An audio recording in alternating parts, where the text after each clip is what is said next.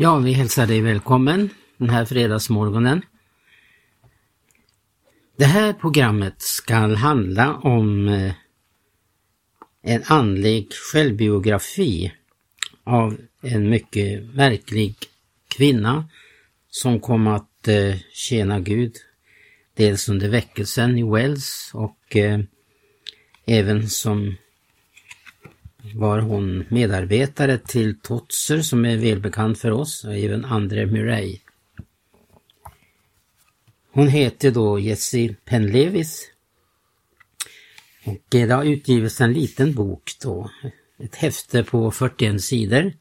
Och det här häftet heter Vägen till väckelse. Och jag blev väldigt överraskad när jag fick tag i den här i mitt bibliotek. Att det har förmedlats sån andlig klarsyn av den här kvinnan som blev väldigt mäktigt använd av Gud. Hon hade stor del i också att eh, bistå den här väckelsen i Wells eh, till Evan Roberts som också är bekant för oss. Där hon var med i eh, slutfasen av väckelsen i Wells. Jag ber Gertrud ska läsa nu det första häftet innehåller tre kapitel. Handlar först om en biografi av hennes erfarenhet. Vägen in i att uppleva Andens fullhet. Och sen kommer ett annat eh, kapitel i det här häftet som handlar om behovet av böneväckelse. Och eh, det tredje kapitlet, sanningens ande. Och det ska vi återkomma till, men först kommer vi nu bara att hinna med det första då, kapitlet som handlar om hennes andliga självbiografi. Så jag ber Gertrud läsa ur det här häftet. Varsågod. Herrens ledning jag uppfostrades i själva hjärtat av det religiösa livet i Wales, för min farfar var walesisk eh, teolog, välkänd i hela furstendömet på sin tid. Och min fars hus var mötesplats för pastorerna när de reste i sin mästares tjänst.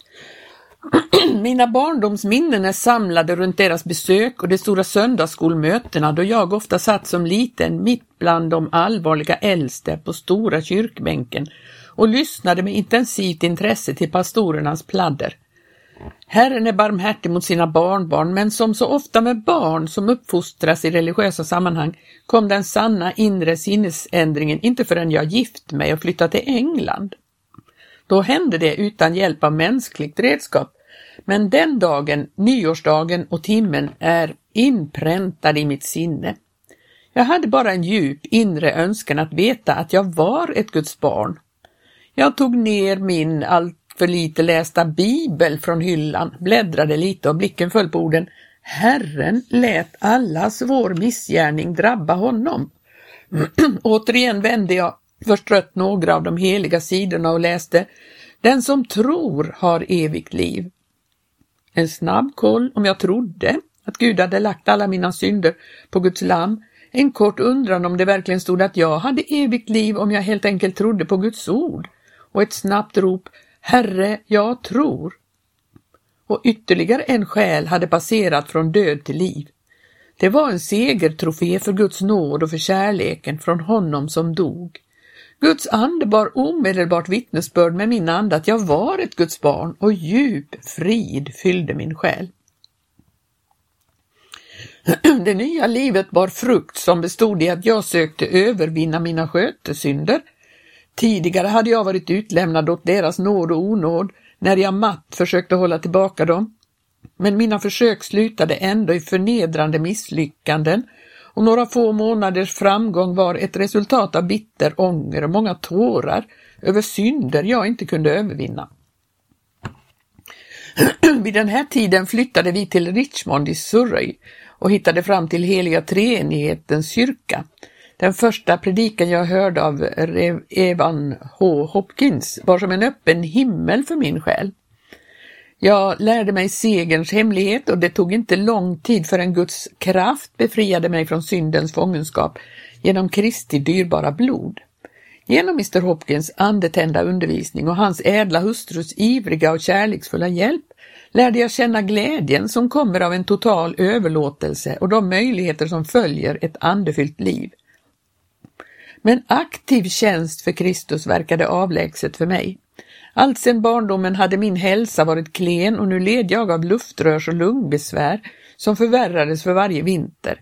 Det verkade som om mitt liv sakta ebbade ut och ändå dristade jag mig 1890 med till synes bara en kort tid kvar att leva till att ta förtroendeuppdraget som sekreterare på KFUKs institut i Richmond. Om det så bara blir ett halvår, sa jag, för hela mitt hjärta var inriktat på tjänst för kungen. Gradvis lärde jag mig att be Herren om styrka för hans arbete, så jag arbetade och organiserade trots fortsatt dålig hälsa och lidande. Jag jobbade oavbrutet. Men efter en tid blev jag medveten om att de andliga resultaten inte motsvarade arbetets möda. Jag började ifrågasätta om jag verkligen kände Andens fullhet. Jag hade utan tvivel tagit emot honom och jag hade kommit in i vilan då det gällde mitt eget liv och min gemenskap med Gud. Men när jag jämförde de små resultaten av min tjänst med den frukt som gavs åt apostlarna vid pingst kunde jag inte annat än erkänna att jag inte kände den heliga Ande i hans fulla kraft. Den bibelklass jag hade var vecka var också ett stort problem för mig för jag hade ingen kraft att uttrycka mig. Att organisera arbete var mycket lättare men möten var en svår prövning. Självmedvetenhet förlamade mig nästan och ingen övning gjorde det någonsin mindre svårt att tala. Andra kanske har talets gåva men det är tydligt att jag inte har fått den, sa jag. Men lovade Gud att anden skulle bo i oss och verka utifrån oss idag som under pingstens dagar? var min fråga. Jag började läsa bok efter bok i ämnet och jag blev mer och mer förvirrad. Till slut lade jag dem alla åt sidan och kastade mig själv på Gud för att han skulle lära mig Andens fullhet i kraft för tjänst, så som jag hade fått lära känna honom i helgelsen av mitt liv. Jag bad i månader tills min själ blev en brännande intensiv längtan och jag var redo till att räkna allt som en förlust, bara Gud ville skänka mig det jag önskade. Jag visste inte då att han redan började besvara mina böner genom att förbereda mig för en djupare överlåtelse till hela hans vilja. Ju mer jag bad, desto mer verkade det finnas mjöldagg på mitt högt älskade arbete och jag var mycket förbryllad. Uppfyllelsen av mina böner verkade längre bort än någonsin. Då började Guds ande ställa mig frågor och blottlägga mitt hjärtas uppsåt och tankar.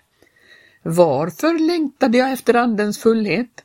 Var det för framgång i tjänst så jag kunde betraktas som mycket använd? Önskade jag samma fullhet av anden om det skulle innebära ett skenbart misslyckande och att jag blev avskriven i andras ögon? Detta hade inte fallit mig in tidigare och jag gick snabbt med på vilket villkor som helst som Herren skulle behaga ställa. Återigen kom frågan, skulle jag vara villig att inte få någon upplevelse utan gå med på att leva och vandra helt och hållet av tro på Guds ord? Även detta var en ny aspekt, men jag svarade snabbt ja. Och sen kom klimax när jag vaknade upp en morgon och såg framför mig en hand som i fruktansvärt ljus höll upp en handfull smutsiga trasor medan en mjuk röst sa Detta är resultatet av all din tidigare tjänst för Gud. Men Herre, jag har varit överlåten och avskild för dig alla dessa år. Det var helgat arbete. Ja, mitt barn, men all din tjänst har varit utifrån det helgade jaget, resultatet av din egen energi, dina egna planer för själavinnande, din egen hängivenhet, allt för mig, det medger jag, men ändå du själv. Sen kom den li lilla, stilla rösten tillbaka, denna gång med ett litet ord. Korsfäst. Korsfäst, vad innebär det? Jag hade inte bett att få bli korsfäst utan att få bli fylld. Men eftersom Guds ande fortsatte att låta ordet korsfäst klinga i mitt hjärta måste jag handveta bäst. Som ett litet barn vilade jag därför på det ord jag alltså fått och då behagade det Gud att uppenbara sin son i mig så att jag kunde predika honom. Jag kände den uppståndne Herren. Den helige Ande som redan bodde i mitt hjärta hade fullgjort sin tjänst och uppenbarade den uppståndne Herren i full besittning av sitt tempel. Smörjelsen är verkligen härlig. Var ska detta sluta? Stora vatten att simma i, ingen liten sipprande bäck, skrev fru Hopkins till mig den 25 mars 1892. Omedelbart bröt de levande vattenströmmarna fram som störtfloder i arbetet och lyfte det som en tidvattenvåg. Arbetet som kom så att säga upp på ett nytt plan när mina medarbetare med glädje kom in i tidvattnet. Bibelklasserna fullpackades, på alla sidor överbevisades själar om synd och fördes till Kristus. De omvända blev själavinnare i sin tur. De döda bönemötena förändrades till stunder av välsignat tillträde till Fadern. I en sån atmosfär av den heliga Ande kunde ingen vara stum. Bönesvar gladde våra hjärtan. Själar vanns för Kristus till och med under våra gemenskapskvällar. De vanliga ekonomiska problemen byttes mot vittnesbörd om ibland romantiska bönesvar. Vi lärde oss att där den heliga Ande får frihet att verka förser han med medel och underskott i den årliga balansräkningen tillhörde det förflutna. Det hade tidigare varit svårt att väcka intresse för mission, men i Andens atmosfär vidgades våra hjärtan. Vi började be för hela världen att det levande vatten som flödade ibland oss skulle nå till jordens ände. Herren besvarade dessa böner med att skicka ut en och annan till olika delar av världen, medan kallelser strömmade in för mig att bära budskapet om överflödande liv till andra platser i Storbritannien. Under två år hade jag arbetat i min egen kraft utan den heliga Andes smörjelse. Efter det fick jag under fyra år se vad den heliga Ande kan göra när vi går med på att korsfästas och ger honom rätt att passera genom oss till själar. Mitt halvår hade blivit förlängt till sex år genom Guds underbara nåd. Sen kom den vidare tjänst som Gud hade avsett för mig. Jag hade inte kunnat drömma om den när jag sökte Andens fullhet och det verkade omöjligt att den skulle kunna bli min på grund av min klena hälsa. Men vid det här laget hade kunskapen och mina resurser i Gud vuxit. Jag kunde överlämna mig totalt till honom och finna att han räckte till för alla mina behov, vid alla tillfällen och i alla omständigheter. År 1896 flyttade vi till eh, Leicester och genast blev jag kallad till Sverige. Då hade ytterligare en kris i mitt liv kommit. Jag hade så att säga uppstått ur graven för Herrens tjänst. Därför kände min man och jag att mitt liv var en, ett förtroende från Gud och att det skulle användas enbart för Mästarens rike. Ett till sinnes överlämnade vi på nytt det, det livet till honom som gjorde anspråk på det, så att han skulle få mesta möjliga nytta av det sköra kärlet. Utan att vara olydig mot den himmelska visionen reste jag över Nordsjön till Stockholm för att nära, närvara vid KFUKs första skandinaviska konferens. Representanter från Norge, Sverige, Danmark och Finland samlades och mötena som var öppna för allmänheten hölls i en vacker aula. Det var min första erfarenhet av att tala genom tolk och sista dagen såg jag den heliga Ande verka bland den stora publiken på ett märkligt sätt.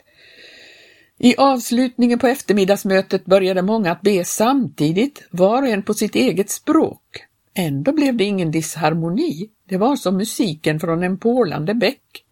Var det så det var på pingsten? Året därpå blev jag kallad till Ryssland dit jag åkte några veckor två vintrar i rad. Jag besökte Finland några dagar och Danmark två gånger på hemvägen. År 1898 for jag på ett andra besök till Finland till en stor konferens i Helsingfors där ungefär 80 representanter närvarade från alla delar av landet.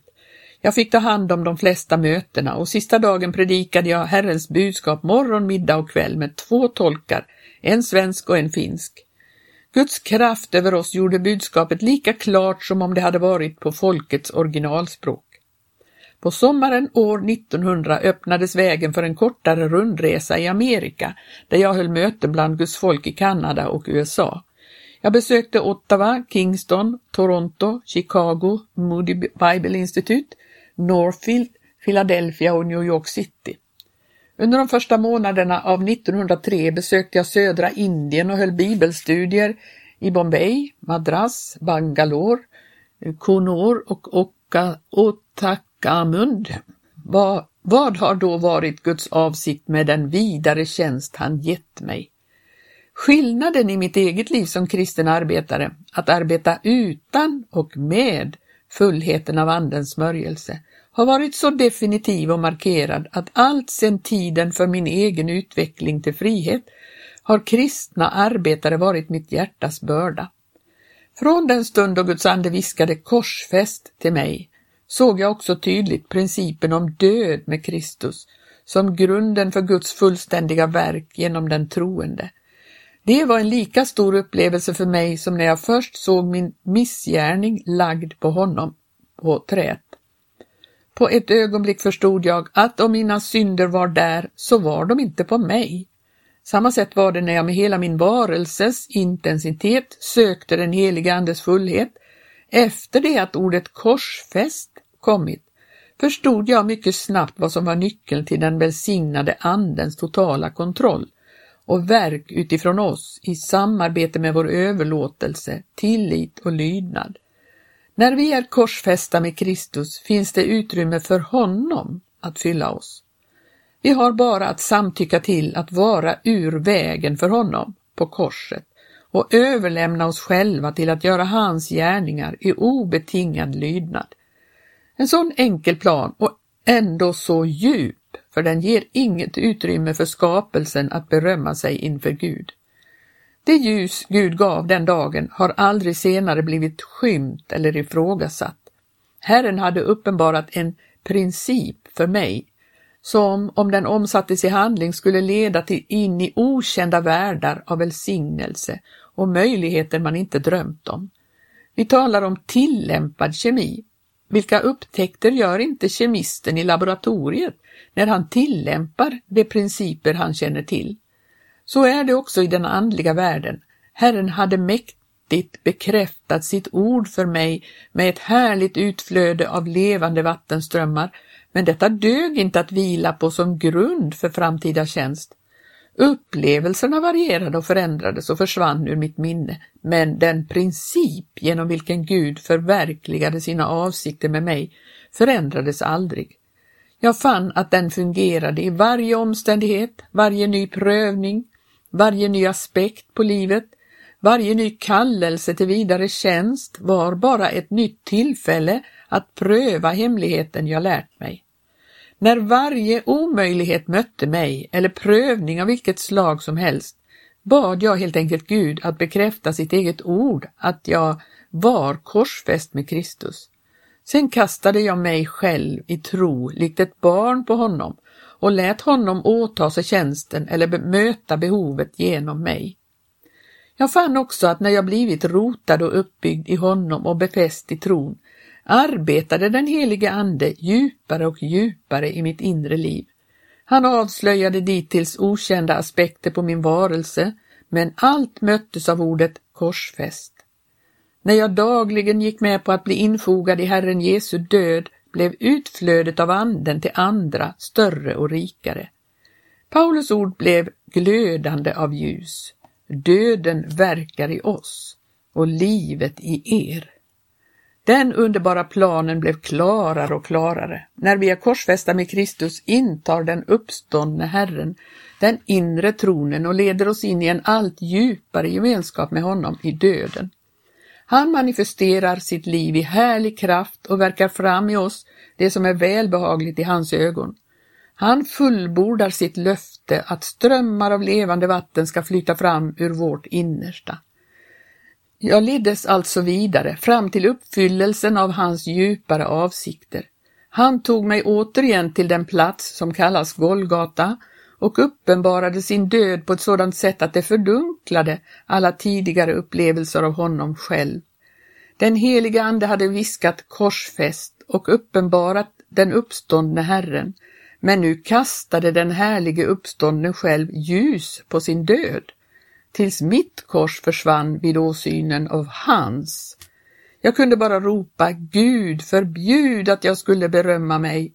Jag som är frälst genom Jesu Kristi kors. Genom honom har världen blivit korsfäst för mig och jag för världen. Då visste jag vilken avsikt han hade med den vidare tjänst han gett mig. Jag såg som aldrig tidigare att budskapet om korset är Guds kraft och beslöt att hädanefter inte vilja veta av något annat än Jesus Kristus och honom som korsfäst. Han hade talat ordet korsfäst med honom och det hade visat sig föra med sig sådan befrielse för mig.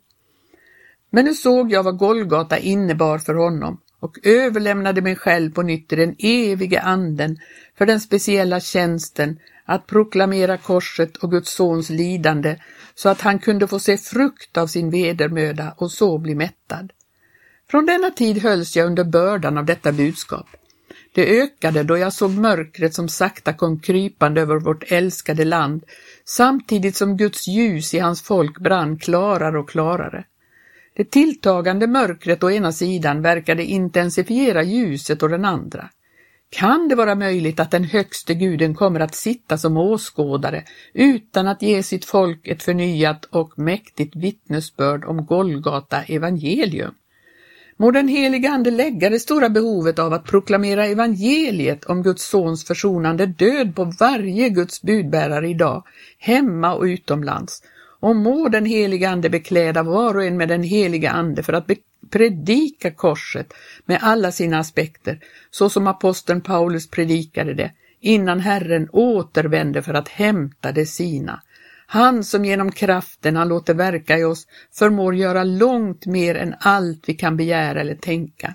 Hans är härligheten genom församlingen och genom Kristus Jesus i alla släktled i evigheters evighet. Amen.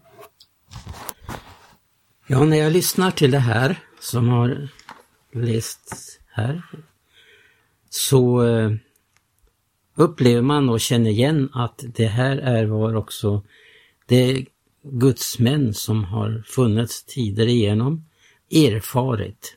Och framförallt var det väl Paulus som upplevde detta. Han som eh, var en farisé och som fick också uppleva att eh, Gud började någonting nytt i hans liv där han fick uppleva att eh, korset fick ställas i centrum. Där han inte kunde förtrösta på hans egna möjligheter, resurser, intelligens eller allt vad man kan tänka sig tillhör den mänskliga världen. Det är ju det som kännetecknar en gudsmänniska, att hon har gjort upp med den mänskliga, naturliga världen där hon träder in i de principer som gäller för Guds rike. Och hur Paulus då betonar just detta att talet om korset är visserligen en dårskap för dem som går förlorade, men är en Guds kraft för dem som blir frälsta. Vi har då tittat lite närmare på den här kvinnan som fick vara med om att bli använd av Gud på ett rikt sätt.